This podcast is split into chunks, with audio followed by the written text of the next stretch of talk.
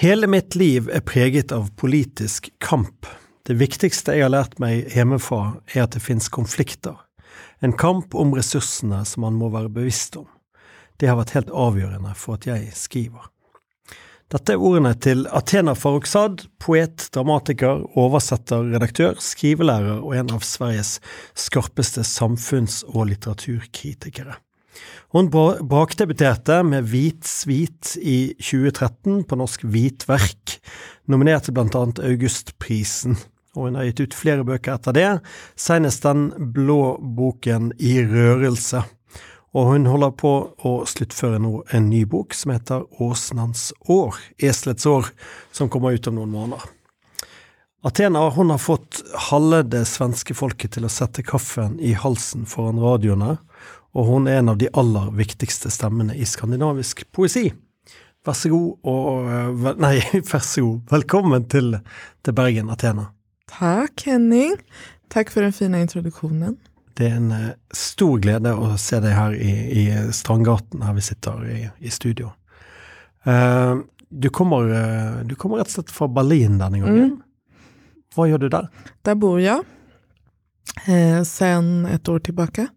Eh, och är någon slags stipendiat kan man säga. Eh, jag har ett arbetsstipendium som heter Berliner Kunstlerprogram DAD. Ja. Så jag lever på de tyska skattebetalarnas bekostnad kan man säga. Och har det underbart.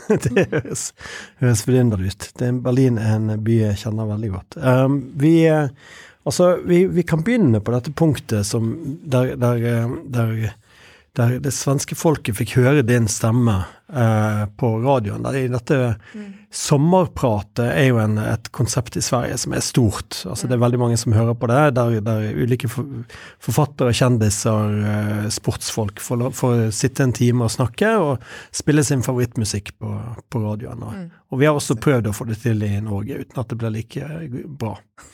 Men, det, det, er nå like bra. men, eh, men eh, men når du eh, skulle ta denne, denne, denne timen, så ble det altså eh, flere klager enn SVT noen ganger har fått på, på disse programmene. Og det, ble, det var oppstyr, fordi at du brukte denne timen til å ikke, ikke snakke om barndomsminner med, med blomsterengen, mm. og, og, men du, du, snakket om klassekamp, og du snakket om opprør, og du snakket om revolusjon. Mm. Eh, jo, Alltså det här var i 2014. Så det var två månader tror jag innan riksdagsvalet. Eh, för förra omgången i Sverige. Och som sagt den här eh, institutionen som Sommar i P1 är. Det är verkligen så att man liksom bjuder in de här tongivande kändisarna. Som ska prata i kraft av att de är kändisar just om, sin, eh, om sitt liv och berättar en massa anekdoter och så.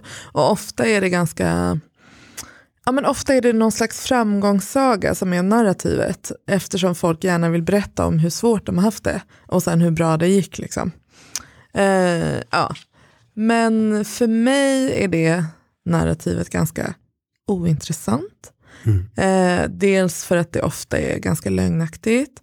Eh, men också för att jag har ganska svårt att berätta en sån berättelse om mitt eget liv. Jag tycker inte det är jättespännande liksom, mm. för, att, för att göra radiomaterial av i, i 90 minuter. Eh, så att det jag försökte göra tillsammans med två vänner som är musiker, som heter Ylva och Maja Karlsson, det var att berätta en slags berättelse om Sverige kan man säga. Mm. Eh, och um, just också då i relation till att vi stod inför ett riksdagsval. Eh, försöka mm. liksom lyfta frågor om, om fascismen i Europa, om migrationspolitiken, om klassamhället och så. Men ge, göra det genom poesin, genom mm. dikt. Så det är också ett program som, det, det har liksom formen av, en, av ett politiskt manifest, men det innehåller också citat av ett 40-tal poeter från hela världen. Mm. Mm. Ja, det, det, det, er virkelig et lappe, lappeteppe. Mm. Om det ikke var for at Europa igjen brenner, hadde jeg villet snakke med dere om trær. Nå må jeg i stedet snakke med dere om den voksne fascismen, mm -hmm. sier du. Ja, du? så börjar det ju. Alltså det är utifrån ett citat av eh, den tyska poeten och dramatikern Bertolt Brecht som på 30-talet skriver han en dikt eh, som heter Anja Nackeborren inför liksom, eh, fascismens eh, fasor eh, i Europa. Och då säger han så här, vad är det här för tid när ett samtal om träd nästan är brottsligt, när det innebär tystnad om så mycket grymhet. Mm. Så det är på något sätt utgångspunkten ju för programmet. Vad, vad kan man prata om på 2010-talet i Sverige när vi står inför liksom, fascismens hot på nytt? Hur kan man då prata om träd och kärlek och poesi och mm. barn och så, allt det som upptar oss alla, liksom, li livets existentiella och relationella aspekter. Det skulle jag säga att programmet också handlar om. Men mm. det handlar om det genom att säga på något sätt gång på gång att det är svårt att prata om de här sakerna i mm. det här politiska tillståndet. Mm. Men det som det kanske eh, tillkännagav den gången då, det var att det fanns en, ett bakteppe av politisk poesi Eh, og en åre bakover som, har, som, egentlig er ganske sterk, og som har vært mm. levende eh, lenge. Og, og, og, kanskje som, som har vært mer ukjent i, i, i, Norden, eller ikke så fremtredende kanskje da, i, på våre breddegrader. Jeg har jo alltid vært forundret over hvor lite politisk poesi det er i Norge. Altså Sverige har jo i det minste deg, och Ratama och, ja, och Wrangborg. Och, och det, det, det, finns liksom noen. Mm. Men, men här är det, ja, Jan-Erik Wolle har, mm. har, haft, eh, har varit, haft, den, haft den sidan. Men, men annars har det varit Men nu har det väl hänt lite på senare år? Ja. Alltså jag tänker på Somaya Yerdali till exempel. Mm. Ju. Det er Ja, det har, det har vært Malin Kasin Lestang. Det er liksom folk som begynner med klasse. Men det, men det å ha poeter som er, som er tydelige i klassespørsmålet, altså som står mm. tydelig og eksplisitt mm. på, på, et godt Venstrepoeter, helt enkelt. ja, ja, ja. ja. Det, er, det, er, ikke vi så vant til faktisk her, da. Det, men det, det finns ju en tradition av i, i, en svensk kontext, skulle jag säga, absolut. Mm. Från liksom 68-rörelsen och framåt. Ja. Och poeter som numera är liksom de stora kanoniserade namnen, alltså Göran Sonnevi med flera, mm. som ju verkligen har liksom haft en ganska direkt adressering till samhällsfrågor och en tillhörighet också i, i faktiska sociala rörelser. Mm. Uh, det, jag tänker lite att, att, den, att det finns en uh, en måte å tenke poesi på som noe, noe, noe mangefalsittert, noe tvetyd, eller mangetydig. Altså at, at, det skal være en sånn mm. ullen uh, ting som kan bety alt og ingenting. Mm. Det, det, er på en måte den estetikken som, mm. som har vært veldig fremtredende. Mm. Mens den, mens, den, klare tanken, på en måte mm. Vi vil dette. Mm. Altså bare å bruke 'vi' i det hele tatt.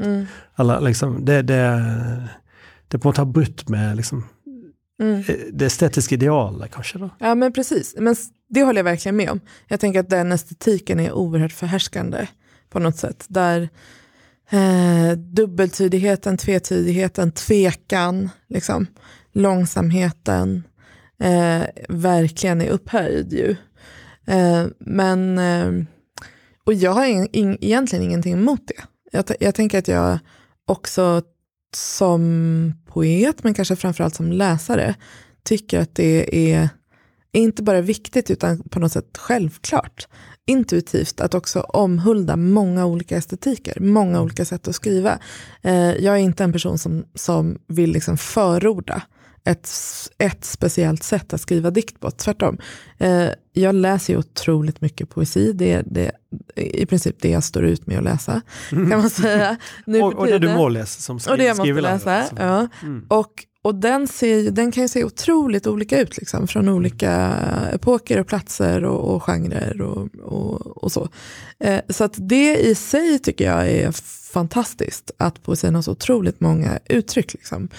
Eh, däremot så är problemet kanske att det finns, tycker jag, eh, en, eh, ett förakt eh, gentemot en, eh, en poetik som är, som du beskriver, liksom, utsagd, mm. tydlig, eh, prata från en plats till en plats.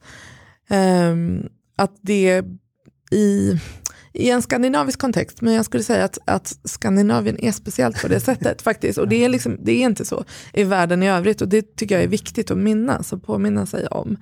Um, att den här liksom, att det, för mig hänger det ihop med någon sorts nordisk konsensuskultur ja. också. Ja, och en, en, konflikt eller rädsla. Liksom. Men, men, men i alla fall, eh, den estetiken är ju ofta ganska ifrågasatt. Mm. Alltså den som är tydlig.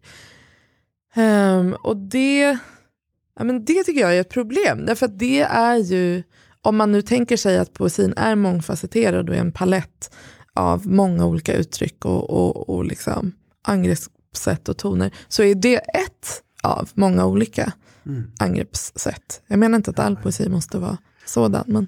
men kan det ha med position att göra? Alltså vem det är som talar? Alltså, för jag tänker, eh, du nämner Sumaya för exempel. Ja. Du, du nevner, altså, og vi, vi, har hatt noen eh, Vi har oversatt en del eh, til norsk. Vi har Claudia Rankin, mm, Audrey Lord mm. osv. Håller jag på att översätta nu. Så, så, ja. Mm. Så, så jeg tenker liksom, Og der er jo det tydelig at det handler Altså at det, det, er, en, det er, et spørsmål om, om, om hva, hva, ord bruker man for det? Altså uh, det, det, Rankin er jo et, et rasende menneske mm. som, som, er blitt eh, Altså pga. sin hudfarge har, har eh, blitt, blitt eh, Altså lever utsatt. Mm. I, i, og, og, og, stemmen kommer tydelig fra det, den mm. posisjonen. Mm. Men jeg tenker hvis jeg som, som mann, 40, 48, eh, hvit, skal skrive liksom, altså, jeg har, altså Min posisjon, eller den norske posisjonen generelt, da, altså den, den de fleste mm. den bakgrunnen de fleste har som går på skriveskole, mm. eh, så har ju man inte den, alltså den, den klara. Mm. Nej, så är det kanske, men det, det, då är väl det ett problem i sig. Vilka går på skrivarskolorna? Ja. Alltså, det är ju också en fråga. Eh, i, jag vet inte hur det ser ut i Norge idag, men när jag började undervisa på Biskops Arnös författarskola, där jag har jobbat sedan 2010, då mm. var det också en otroligt homogen miljö. Men det har vi liksom aktivt arbetat för att det inte ska vara och nu är det inte det ja. längre. Så jag menar, det är ju också en, en fråga. Ju. Men när du pratar så tänker jag på att jag en gång var på ett seminarium med eh, en poet som heter Jenny Tunedal, mm. eh, som är en vän till mig och en fantastisk eh, poet och människa. Eh, och då pratade hon om att hon ofta när hon skriver har en vilja att luta sig tillbaka i språket. Eh, och, och liksom låta språket komma till henne som en sorts bara svärm liksom, av ord. Mm. Eh, vilket fick mig att tänka på att, att jag ofta nog känner att jag måste luta mig väldigt långt fram i språket. Eh, ja. Och jag tänker att mm. en person som, som Maja Erdali eller eller ja, Jan-Erik Wold kanske också, lutar sig fram i språket. Mm. Eh, jag vet inte om det är en tydlig bild, men för mig är det nog en illustration av den här skillnaden som du pratar om. Mm. Alltså hur pass mycket ja. man liksom slappnar av eh, och låter, låter språket och dikten föra en någonstans och hur pass mycket man står på tårna liksom, ja. i sitt språk för att man måste rikta, rikta sitt språk som en pil någonstans. Mm. Ja, bara som en ja, bild. Mm. Jag förstår, jag förstår. Absolut. Jag lurer på om vi ska uh, få höra lite från mm. den, denne debuten din, Hvitsvit, Hvitverk eh, på norsk. Mm. Och det är ju en bok som, det är ju några år sedan den kom nu. Mm. Och det är säkert rart att, att ta den upp igen. Mm, det, det går bra. Ja. Det, om vi kan få någon dikt från den. Mm. Mm. Jag läser några minuter.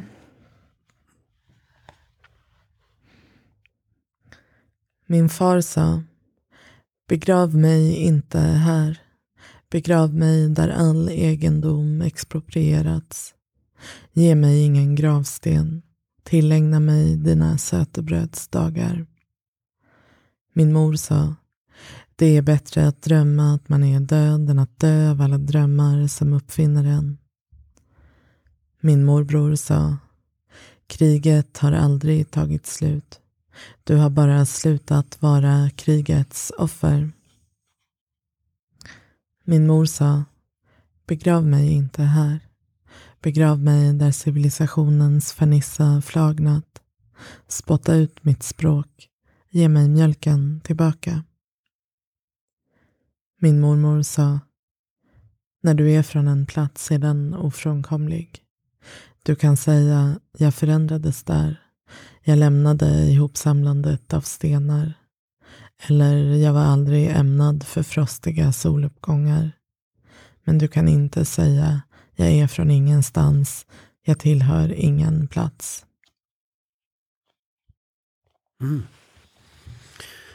Tusen tack. Ehm, här hör vi detta grepet du brukar med, med, denne, eh, med dessa olika karaktärerna som, som Altså en slags polyfoni av stemmer som, mm. som taler fra forskjellige posisjoner, men som, som blir til en eh, kanskje noe kollektivt, eh, boken. Eh, altså det at den fikk altså Egentlig har jeg, har lyst til å snakke litt om før denne boken kom ut. For mm. Du har jo vært med på mange det Polyfoni det har jo gått igjen hos deg, for du har jo vært med i kollektive mm.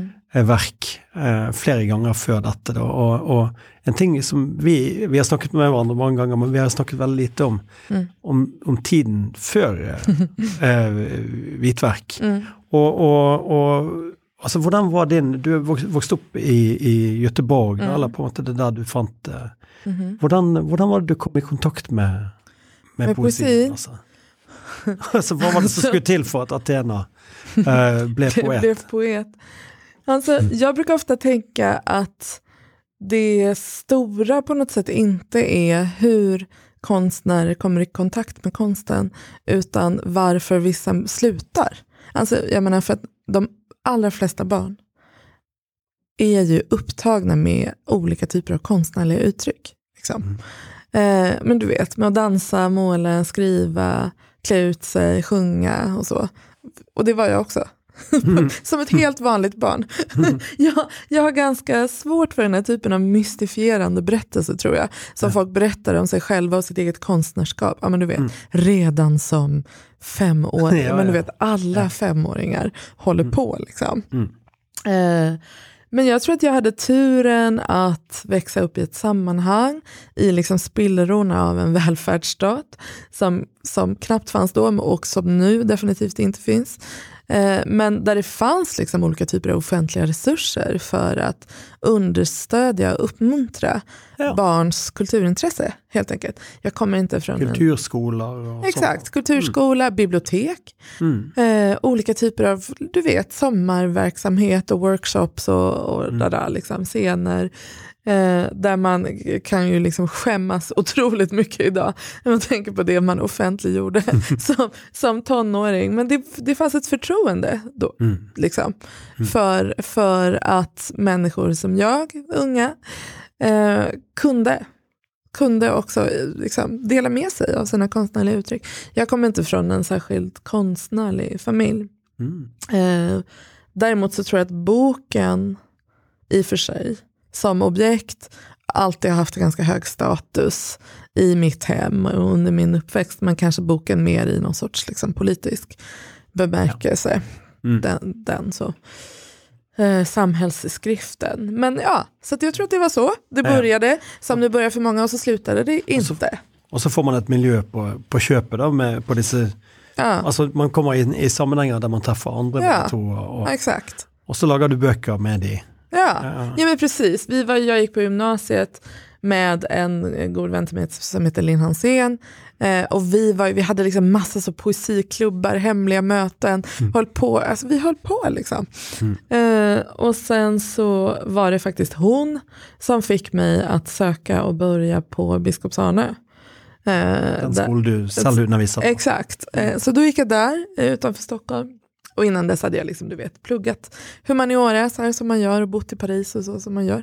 Om, om, man, är, om man är en pretto liksom, mm. ungdom som är intresserad av poesi. Eh, men, men så gick jag på Biskopsarne 2005, det är otroligt länge sedan ju.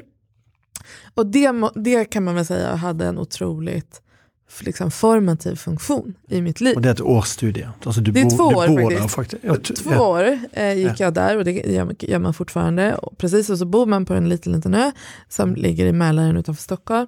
Och det för mig var det liksom en chock Mm. att komma dit. Jag var liksom 22 år. Mm. Eh, och jag var ju, hade liksom det brinnande intresse för poesi. Eh, redan då och alltjämt. Eh, men jag hade väldigt dålig koll på vad samtiden var. Till exempel. Som, som många andra tror jag. Alltså jag hade liksom suttit eh, själv och läst liksom modernister i ja, men du vet, tio års tid och var liksom helt förläst på alla de här stora manliga modernisterna. Du vet, från så Rimbaud till Baudelaire till Walt Whitman. Till liksom så, och var helt så fullpumpad av den typen av ganska grandios och bombastisk liksom, estetik. Så, så samtiden, det var, det var helt Jag visste okänt. ingenting, jag visste liksom knappt vad som hade hänt efter 1930. Så jag fick en chock tror jag när jag kom till Biskopsholm och bara vad i helvete är det här? Och tyckte att det var Känner mig igen. Det är helt samma. Ja, men jag tror att det är ganska vanligt. Mm. Och, och först tyckte jag att det var ganska dåligt. Liksom. För fan. Alltså vad är den här konceptuella poesin som folk Mm. håller på med och så. Men sen blev jag otroligt influerad av det. Mm. Eh, och så. Och man kan väl säga att jag också fick ett sammanhang där.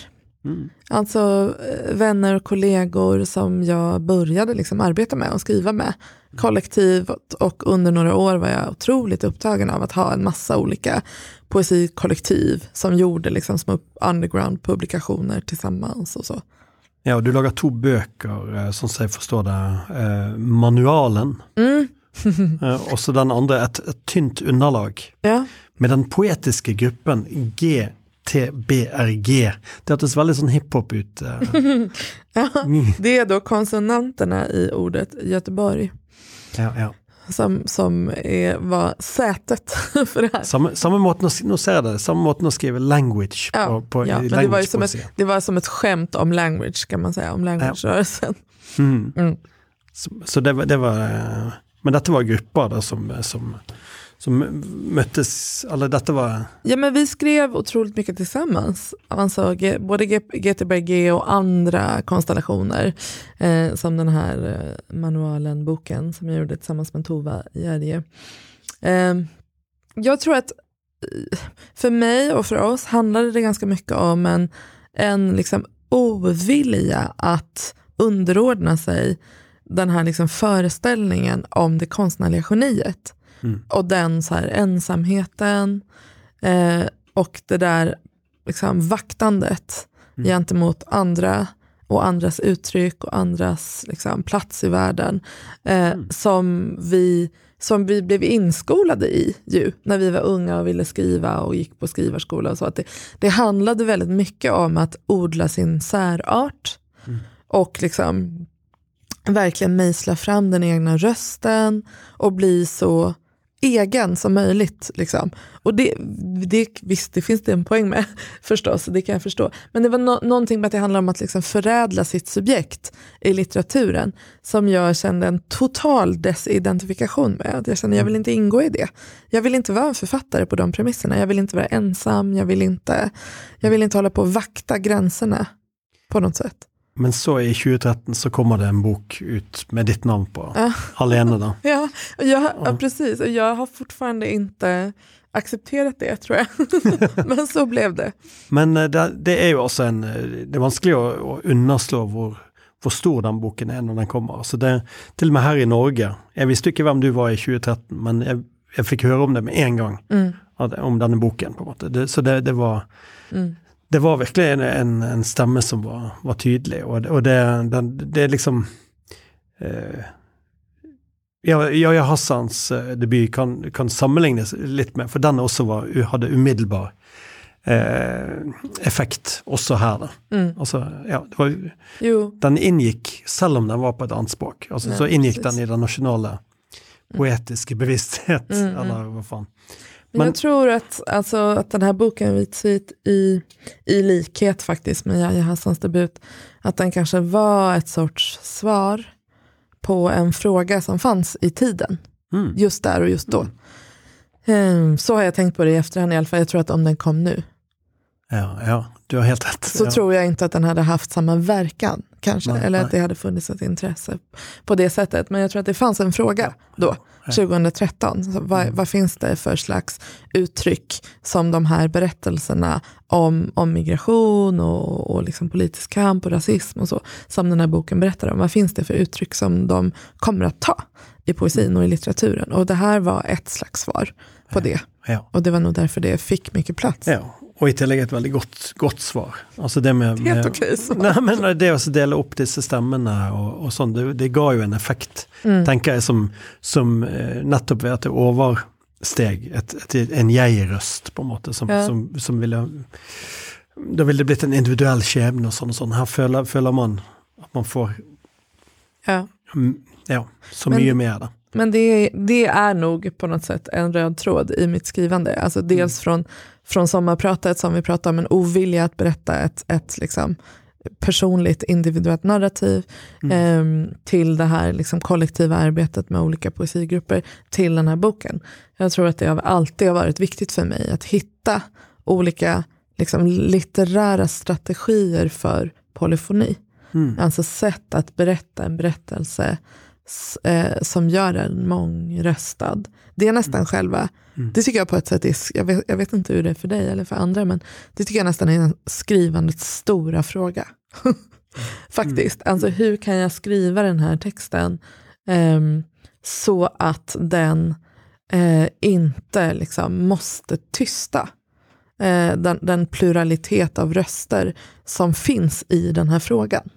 Ja. För jag tror att jag ofta upplever röster som är unisona. Eh, som pra- eh, eh, eller så här, dikter, litteratur som pratar med en röst. Som, som, som, liksom, som att de är lite förljugna på något sätt. Eller jag vet inte om det är rätt ord, men som att det finns en massa röster bredvid. Mm. Som kanske inte hörs eller kom, kommer till tals. Jag menar, det finns jättemånga röster som inte hörs i mina böcker också. Ja, ja. Men, men just en vilja i alla fall att, att hitta liksom ett polyfont, mångröstat framställningssätt. Det tror jag faktiskt alltid är min fråga. Mm. Ja. Ja. Og det skal vi også se, den neste boken du skriver, eh, Trado, er jo også skrevet sammen med en annen forfatter. eh, Med litt lignende grep. Eh, Mm. Så, men, men, men, men eh, det altså Resepsjonen på denne boken, altså, altså det er jo mor, far Familien er jo, en, en, er jo også en viktig ting her. Eh, eh, Ja, visst. og, og de får føre stemmene, og, og det kan oppleves og den ble nok kanskje av mange tolket som en, som en oppvekstbok, eller at dette var Athena, Athenas oppvekst og sånn. og Hvordan var det å få den tolkningen? eh, Var det ok, eller var det altså, Alltså, du vet de första orden i den här boken är min familj anlände hit. Så. Det är liksom de allra första öppningsorden. Och sen håller den på så här, min mor, min far, min bror, min mormor, min morbror. Eh, och för mig, medan jag skrev den här boken, var det en stor fråga. Just den här liksom biografiska föreställningen som ofta finns eh, på författare som kanske inte liknar liksom, eh, människors föreställning om vad en författare är. mm, Eh, så brukar jag ofta tänka, och det har jag sagt i andra sammanhang också, att ju mindre man är liksom lik föreställningen om författaren med stort F, desto större risk löper ens böcker, texter att bli biografiskt lästa. Alltså att de blir eh, oftare lästa som en spegling av ens historia, av ens erfarenhet, av ens trauma, liksom.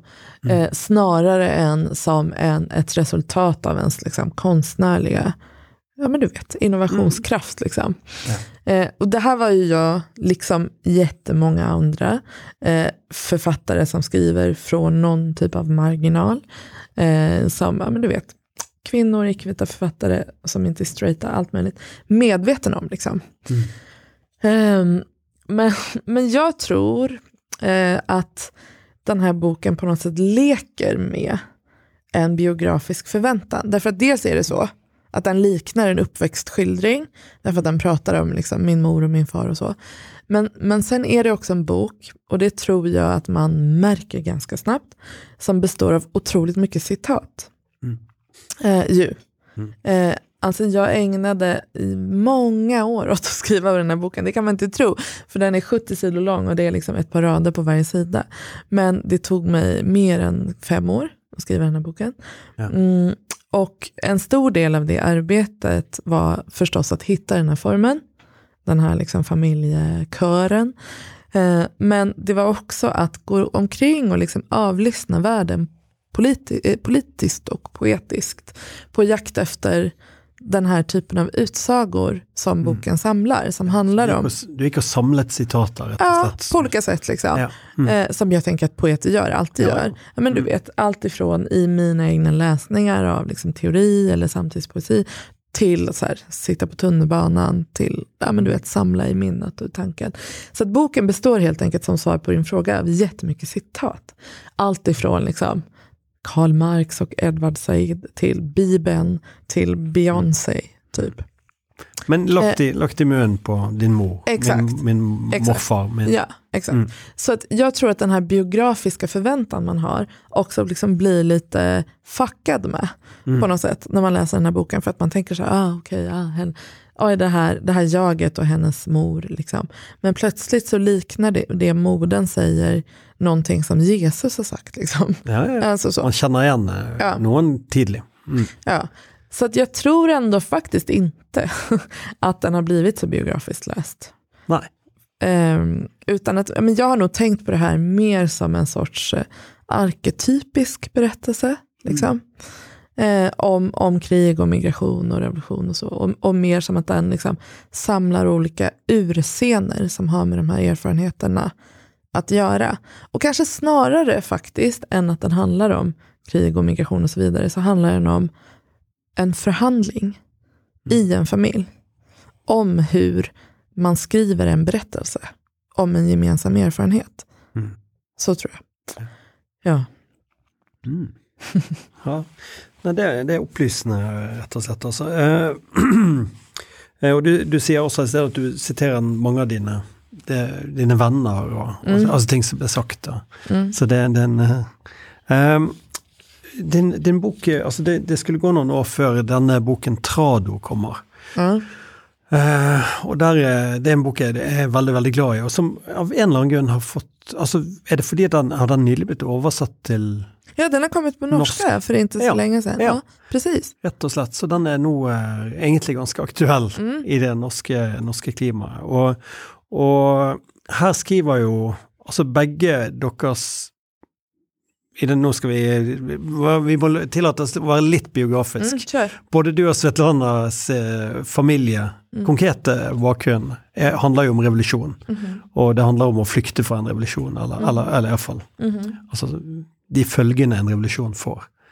Eh, Iran og Romania var det Ja, precis. Alltså Svetlana hon är född, Svetlana Karstian är född 1969. Mm. Eh, så att hon var liksom tillhörde den generationen som eh, gjorde, deltog i den rumänska revolutionen, eller störtandet av Ceausescu helt enkelt 89. Eh, och vi möttes 2012 Mm. på en poesiöversättarworkshop på Biskopshamnen faktiskt där jag jobbar. Och vi skulle liksom ägna två veckor åt att översätta varandra mellan svenska och rumänska Mm. eh, utan att kunna varandras språk alls. Eh, och det gjorde vi och vi blev liksom fullständigt eh, förälskade tror jag i varandra och i varandras som poeter och som människor. Det var liksom Mm. en stor, Mm. st- ett stort möte på något sätt. Mm. Och vi kom ifrån på ett sätt helt olika sammanhang, olika länder, olika generationer. Men vi tyckte oss, som man gör när man, när man blir liksom förälskad i någon. Ja, vi tyckte oss ha så otroligt mycket gemensamt. Mm. Eh, så att vi översatte varandras böcker i sin helhet. Eh, jag översatte hennes debut som heter eh, Skruvstädsblomman eh, på svenska. Mm. Eh, och eh, hon översatte Vitsvit. Och hon skriver liksom väldigt mycket om den här tiden, både innan och efter eh, Ceausescus fall i Rumänien. Och, och liksom hur ett samhälle, hur en, ett barn förändras tillsammans med ett samhälle. Mm. Otroligt fin poet alltså. I alla fall. Men, Ja. men vi blev liksom, alltså för att kunna översätta en bok från ett språk man inte pratar, då måste man gå så otroligt långt in i en annan människas värld och estetik och språk. Så att det här var en så formativ upplevelse. Mm. att Ja. översätta de här böckerna. Ja. Så vi började liksom, vi upptäckte att vi hade börjat skriva på ett nytt sätt. Att vi hade börjat skriva om och för och genom och till varandra Mm. på något sätt. Eh, så då skrev vi en bok tillsammans som handlar om översättning. Eh, översättning som en kärlekshandling, som, en, eh, som ett förräderi. Eh, översättning eh, s- av liksom både en relation, en kultur, ett språk, en, en litterär kontext. Så. Men den handlar också om alla de här sakerna som du nämnde, revolutioner och föräldrar och arv. Mm. Ja, nej, det, det, alltså det, det är någon helt otroliga setninger inne där. Jag bara merket mig. Svetlana sa jag skriver inte för att föra någon jag älskar i säkerhet. Jag skriver för att spränga fördämningarna, öppna vilddjurens burar, dra bort höljet över de krälande maskarna och släppa ut den undergång som bebor krockarna. Det är det er det er kraftig kost. Det, det, og, og det er litt av den samme estetikken du, du gjentar. Eh, du nevner ved en eller annen anledning at man, at man skriver for å slippe løs. Jeg husker ikke akkurat sitatet, men liksom for, for å lage faenskapet, liksom ikke for å st- stilne det, på en måte. Altså, det, det, mm. ja, det, Ja, exakt. Det låter väldigt... det, det finns en brutalitet i det där. Men jag tror, ja, även om jag kanske inte skulle formulera mig exakt sådär idag, men jag tror att det finns någonting i det där som är sant ändå. Alltså att, att komma till skriften eh, med en vilja att liksom göra sönder. Ja. På något ja, sätt. det også har plass. Ja. Men jag tror att den här boken, Trado, att den var viktig för mig att göra efter Vitsvit. Ehm, just för att den liksom fick ett så stort genomslag och så mycket plats. Eh, att det var omöjligt att skriva en andra bok eh, som skulle vara på samma sätt. Liksom. Som skulle vara ett, ett jag, eh, utgiven på ett stort förlag och så mitt namn och så. så. Och att jag var liksom tvungen att hitta ett forum för att kunna skriva tillsammans med andra och liksom återgå till en kollektiv praktik. Eh, så på ett sätt så tror jag att jag nog inte hade kunnat fortsätta skriva om det inte var för att Svetlana och jag hade gjort den boken Ja. tillsammans. Ja, Det forstår jeg veldig godt. Og det er veldig mange forfattere som sliter med det. Som gir ut debuter med et veldig sånn tydelig grep. Mm. Og så blir man stående fast, altså. Det er ingen vei videre. videre. Nej, precis. Og så, så det der Heldigvis så fant du den, eh, den, den, lille, den lille veien ut der også. Eh, Men eh, nå må vi begynne å snakke om eh, I rørelse. Mm. Og, og kanskje vi Altså veldig kort altså hvis bare, Jeg har lyst til at vi skal høre litt fra, Mm. fra boken. Men, men det vi kan si her, er vel at det er ulike dikt Altså det er en oppsamling av ulike dikt. Mm. Eh, kampdikt, noen av de kan man si. Eller de er skrevet til ulike anledninger som så, Veldig mange av de har et politisk eh, eh, innhold, og, og, og de Men de er de, Ja. Så det, det, er en, det er godt gammelt kamphefte, ville vi kalt det i, i kommunistbevegelsen. Ja. Ja, precis. Den kom 2019. Eh, och det är, ja, men som du säger, det är en bok som står i relation till rörelse på olika sätt. Jag har tänkt mig det så. Eh, alltså att begreppet rörelse är helt centralt i den här boken. Dels rörelse förstås, som en liksom ren geografisk rörelse. Eh, alltså mi- migrationens rörelse. ja, Rör- bevegelse. Ja, ja. precis. Bevegelse. Mm. Precis. Mm. Ja. Över världen. Mm. Men också på svenska när man säger rörelse, det betyder ju också att bli rörd. Liksom. Ja. Ja, alltså att bli vidrörd fysiskt till exempel, men också att bli Och- känslomässigt rörd. Og bli rørt. Ja, Mm. att bli försatt i rörelse. Så att eh, de aspekterna finns. Men sen är också i rörelse kanske Sveriges mest kända dikt, heter så, eh, Ja. av en poet som heter Karin Boye. Mm, mm. Eh, som är en dikt som, ja, men om man kan citera en dikt som svensk så är det nog den.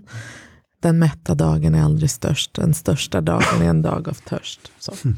Håller den på, skriven på 30-talet kanske, Mm. 40, jag vet inte. Nej, 30. Ehm, I alla fall. Men sen finns ju förstås också den här aspekten som du pratar om, som handlar om att vara en del av sociala rörelser. Det politiska i rörelser. Arbetarrörelsen Ja, till exempel. Ja, men Mm. precis. Arbetarrörelsen, eh, feministiska rörelser, queera rörelser och så vidare. Eh, Mm. Och alla de här aspekterna har jag tänkt mig det som att den här boken för samman. Liksom. Eh, det vill säga migrationens rörelse, känslans rörelse, kroppens rörelse. Ehm, men också litteraturens och de sociala rörelsernas rörelse. Så, så att den består av, eh, ja, men det är väldigt mycket liksom tillfällesdikter på ett sätt. Ja.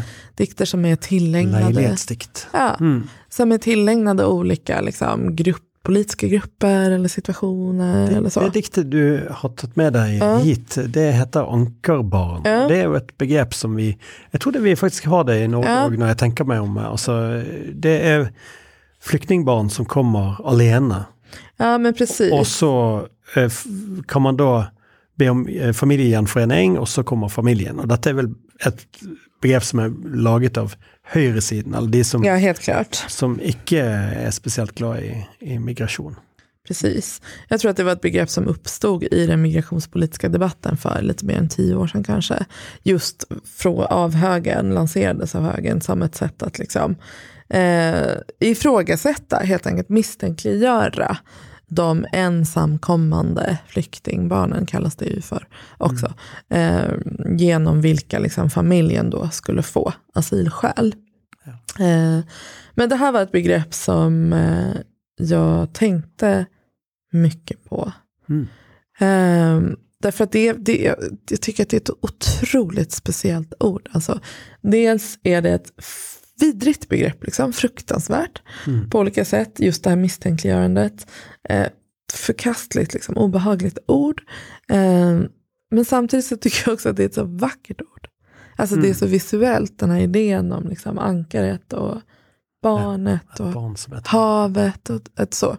Eh, så jag gick länge, jag tror jag gick flera år och tänkte på det där ordet. Mm. Och sen skrev jag en dikt till slut som heter just Ankarbarn. Som består av fyra delar.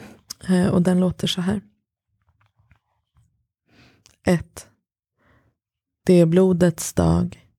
Det är jordens natt. Släpp nu relingen, lilla skatt. Ett barn är fött på denna dag. Ett barn ska förankra. Ett barn ska ge sin mor rätt till jord. Ett barn ska vägbereda. Vilket barn är inte ett ankarbarn? Vilken mor griper inte efter bottnar?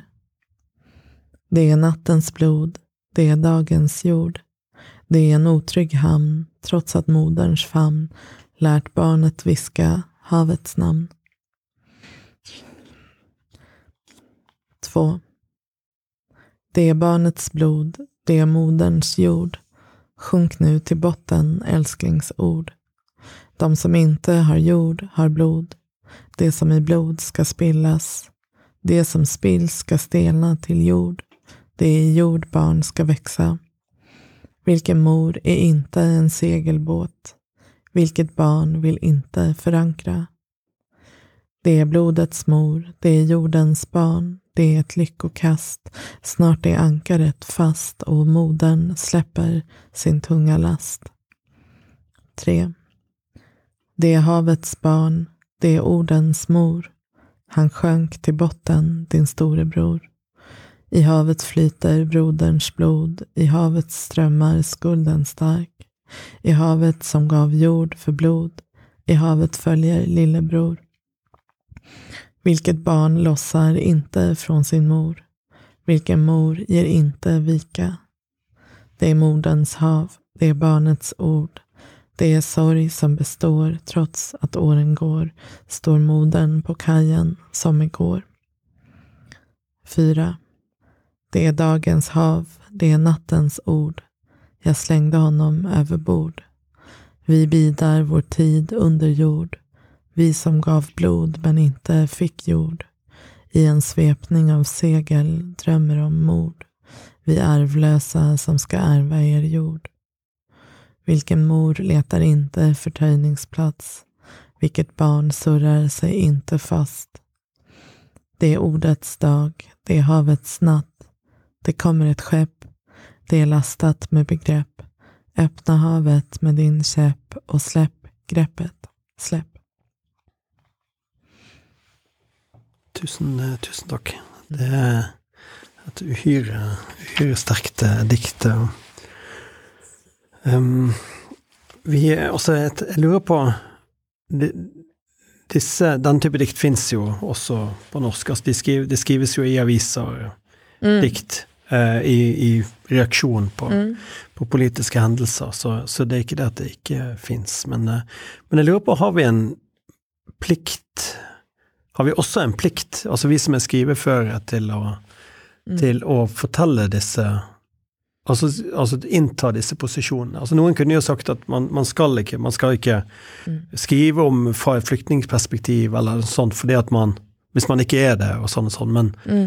men, kanskje man Jeg tenker av og til at kanskje man nesten har en plikt til å gjøre det. Mm. Altså fordi at, fordi at de kan, Det er ikke alle som er i den situasjonen som kan skrive den berettelsen selv. Nej. Eh, nej, jag förstår din fråga. Jag tror att jag tänker så här att vi, vi har en plikt först och främst för att vi är människor. Eh, snarare faktiskt än att vi är författare.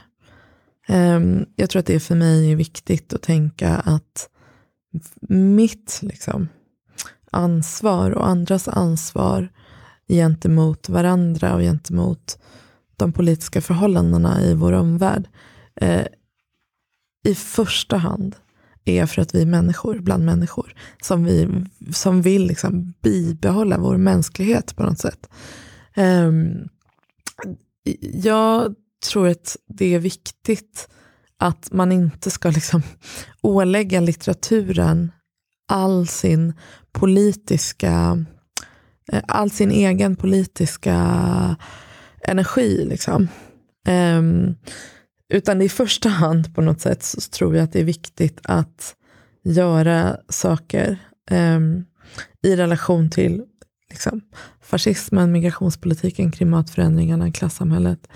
För att vi är människor. Eh, och för att vi vill fortsätta vara människor. Eh, sen är vissa av oss liksom verksamma som författare. Alla är ju på något sätt verksamma på något vis. Liksom. Viss, du vet, vissa jobbar på sjukhus, andra jobbar på förskolor, andra jobbar i fabriker, andra jobbar i skolor, andra jobbar på, jag vet inte. Mm, eller så jobbar man inte och gör andra saker, ja men du vet.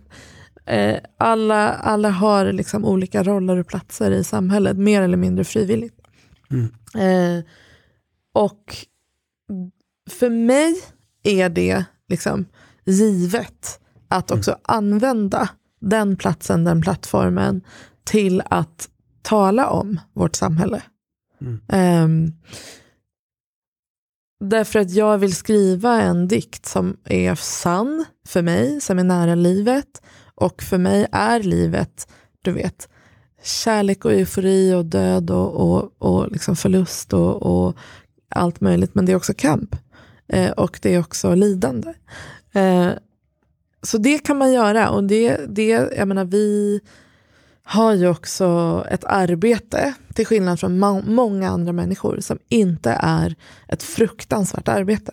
Som mm. inte är ett alienerande arbete, som inte är ett arbete som exploaterar oss, liksom, utan som är ett arbete där vi får mm. ägna oss åt mening. Liksom, ja. Istället för meningslöshet. Det är få människor förunnat. Mm. Um, och, och jag menar, för mig är det logiskt att använda den plattformen till att tänka mm. uh, och känna kring världen. Men jag tycker inte att man måste göra det. Mm. Alltså jag tycker att det är viktigare att man är liksom aktiv på något sätt. Ja. Alltså man kan, vara, man kan vara författare och skriva bara liksom, romantisk naturlyrik. Men man kan vara jätteengagerad ja. i ett fackförbund till ja. exempel. Eller hvis man, ja.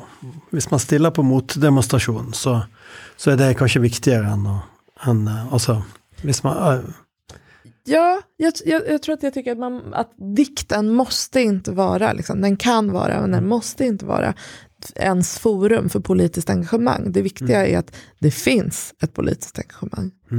Ja. En ting som du virkelig har gjort, det er vanskelig å ikke nevne den boken, for jeg har blitt så glad i den. og den eh, altså du, sammen med, med Kristoffer Folkhammer, så lager, så lager du en antologi over moderne svensk lyrikk, altså, som er et slags svar på denne eh, klassiske kjærleik og opprør, som, som, som var en bok som kom ut i, i Sverige i var det Ja, precis. Den kom för 33 år sedan. Ja, och det, och det, och det är verkligen en bok som, 1989. som alla har läst och som alla liksom alla unge eh, politisk engasjerte sitter, har, sitter og leser den politiske lyrikken. Men dere har oppdatert Mm. eh, den med, med moderne lyrikk. Mm. Og, det, og det, det er så mye gode ting der inne. Og virkelig en bok å anbefale for folk som har lyst til å rett og slett bare lese svensk lyrikk, og få, litt, få litt ulike stemmer. Og, Ja, men Eh. precis, vi har liksom tänkt på den boken som en sorts introduktion till samtidspoesi också. Mm. Alltså, för mig är poesin är så stor, och Ja. för dig och för oss. Liksom. Mm. Den är ju eh, så förmögen att vara nära livet och uttrycka så mycket saker. Men tyvärr är ju, har ju polit, eh, poesin en ganska marginell ställning i Mm. världen. Och jag tror att väldigt många människor vet liksom inte hur de ska närma sig Mm. den. Jag tycker att den är svår och krånglig och, och, och behäftad med en massa olika regler och så. Eh, så att den här boken Berör och förstör, det är också en sorts bara, förhoppas vi, lättillgänglig, liksom folkbildande introduktion Mm. till poesi. Bara så här kan poesin se ut. Mm. Typ. Det, ja, ja. ja nei, det, det, det er virkelig ja. det, det er en god En fin ting, og en måte å, å lage engasjement på som er, som er fin for Jeg tror vi ville hatt problemer med å lage en sånn bok på norsk. Rett og slett. Tror du det? Ja, mm, dessverre. Eller man kunne laget en pamflett, kanskje, eller en, en, en liten Mm. en fanzine. Men, eh, men eh, jeg ser det at vi har holdt på eh, Vi, vi, vi, har, vi kunne nok s- sitte, og vi skal nok sitte litt her lenger eh, etter mikrofonen er slått av. Men, men jeg tenker eh, vi må jo snakke om det som Du holder nå på å sluttføre en eh, ny bok Mm. med ditt eget navn på, og som eh, Den fjärde boken men bara mitt namn på. Det är ju fruktansvärt. Mm, det og, det er, og du har valgt å, å, å, å lage en bok som heter Åsnans år. Eselets år. Mm. Det, om, den kommer på norska så ska den nog inte heta Eselets år. Nei, det er, det er ingen god tid. Nej men för att allitterationen är Ja. ändå viktig. Alltså den Ja, är på Åsnans Åsnens år. Jag har pratat med min engelska översättare om att den ska heta Donkey Days Så på får engelska. Det blir sikkert eh, Hvem er det som oversetter det? Er det, Det, vi får väl se. Det är Tina Åmoth som översatt Vit verk. Och, men sen har också bergenseren? Ja men precis, men sen har också Kristina Leganger Iversen Ja. också översatt lite grann. Så vi får se Ja. Hur det blir. Och ja, precis, Sindre Andersen och ehm, eh, har också översatt eh, Trado tillsammans med. Det var, jeg, har lest, det- jeg har lest gjennom dette. eh, Altså, det er ikke engang blitt en PDF, det, det er en Word-dokument. som Så, som jeg har fått uh, sniklese. da. Mm. Og det var fantastisk fint, og det var helt spinnvilt, det må jeg, det må jeg si. Det var, det var off the rails. Det var Mm. virkelig Så är det. det var, Så dette var men, Så kanskje vi til og med kan få, få høre en Mm. liten sånn sneak preview eh, av, eh, av, eh, av dette. Altså, Da må jeg åpne maskinen. For det, Mm. for det, Jag kan berätta lite kanske, Ja, det kan- tiden ska jag göra det. mm, Det är alltså, den kommer i höst, den här boken i september. Och det är en bok som är, kanske kommer vara 120 sidor lång. Och den heter då Åsnans år. Och den handlar uteslutande om åsnor, om eseler kan man säga. Mm. Den, eh, ja, man vet så lite om vart livet och skrivandet för en. Eh, jag har skrivit den här boken otroligt snabbt, vilket är olikt mig. Eh, jag började skriva den förra våren och nu kommer den redan till hösten. Så det har liksom gått snabbt ju. Men det är också lite tack vare de tyska skattebetalarnas pengar. mm. Mm. men, men, eh, men om någon hade sagt till mig i vintern 2021 att jag eh, hösten 2022 skulle ge ut en bok om åsnor, då hade jag sagt mm, nej, I don't think so. men, men så blev det. Mm. Eh, och eh, det, man, man, kan säga att det började med att jag gick en dag eh, till en loppmarknad, säger man så på norska, Mm. Mm. eh, tillsammans med min dotter. Och där, med bara så massa gamla billiga fula saker. Eh, och där såg jag i en hylla eh, en stor porslinsåsna. Mm. Eh, esel. Och jag blev liksom helt bortkollrad av denna åsnan. Helt Mm. eh, hypnotiserad av den här åsnan. Som jag såg i den här, alltså jag tyckte att den var så otroligt vacker. Ja. Den var så liksom elegant och utsökt och finlemmad. Och, och jag tänkte, hur kan något så förhatligt och bespottat som en åsna. Som jag menar, det, finns det någonting som är universellt, som alla människor i hela världen är överens om, så är det att åsnan det är ett lågt stående Ja. djur. Mm. Liksom. Mm. Det är inget land där åsnan är liksom kungen i djurriket. Mm. Nej. Och, och, och jag tänkte, men hur kan någonting så förhatligt liksom, göras till något så vackert? Och så vill du göra detsamma. ja, exakt. Mm. Men så köpte jag den här åsnan för eh, 20 kronor kanske. Jag tog med den hem och, eh, och kände liksom att den här åsnan förändrade mitt liv. att, den, att jag var den här åsnan på något sätt. Eh, och den första dikten i boken den är ungefär det här som jag har beskrivit nu. Mm. Den här scenen med mitt barn eh, och jag på loppmarknaden och den här porslinsåsnan. Eh, och sen är resten av boken kan man säga en sorts eh, kulturell och personlig Mm. undersökning Ja. av åsnans gestalt. Esselets kulturhistoria. Ja, Och- exakt och- Och du förstår, jag har läst så fruktansvärt mycket böcker om åsnor det senaste året. Det, det, nu för tiden när jag träffar någon och så säger jag här, jag håller på att skriva en bok om åsnor, då har alla alltid någonting att säga. Så här, ah, den här anekdoten eller den här boken om åsnor eller den här filmen. Så. Och, och nu för tiden så har jag liksom sett och läst allt. Som de kan, så det finns inte mycket som återstår att veta om åsnor som jag inte vet. I know it all.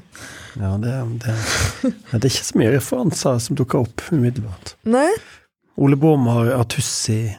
Det är en uh, Ior. heter ja. Ior, ja precis. Det är Ior är mest med- berömte. Ior är med i boken. Essel. Ja. I- Ior eh, har, I- Ior i den här boken, alltså i Mills eh, åsna Ior, Mm. har gått med i en eh, förening som heter Radical Ass Fraction. Ah, de, de radikala åsnornas förening kan man säga. Eh, som, som jag, RAF. RAF. Mm. Ska jag läsa? Ja, Jag kan läsa en text om RAF. Mm. Så här låter den.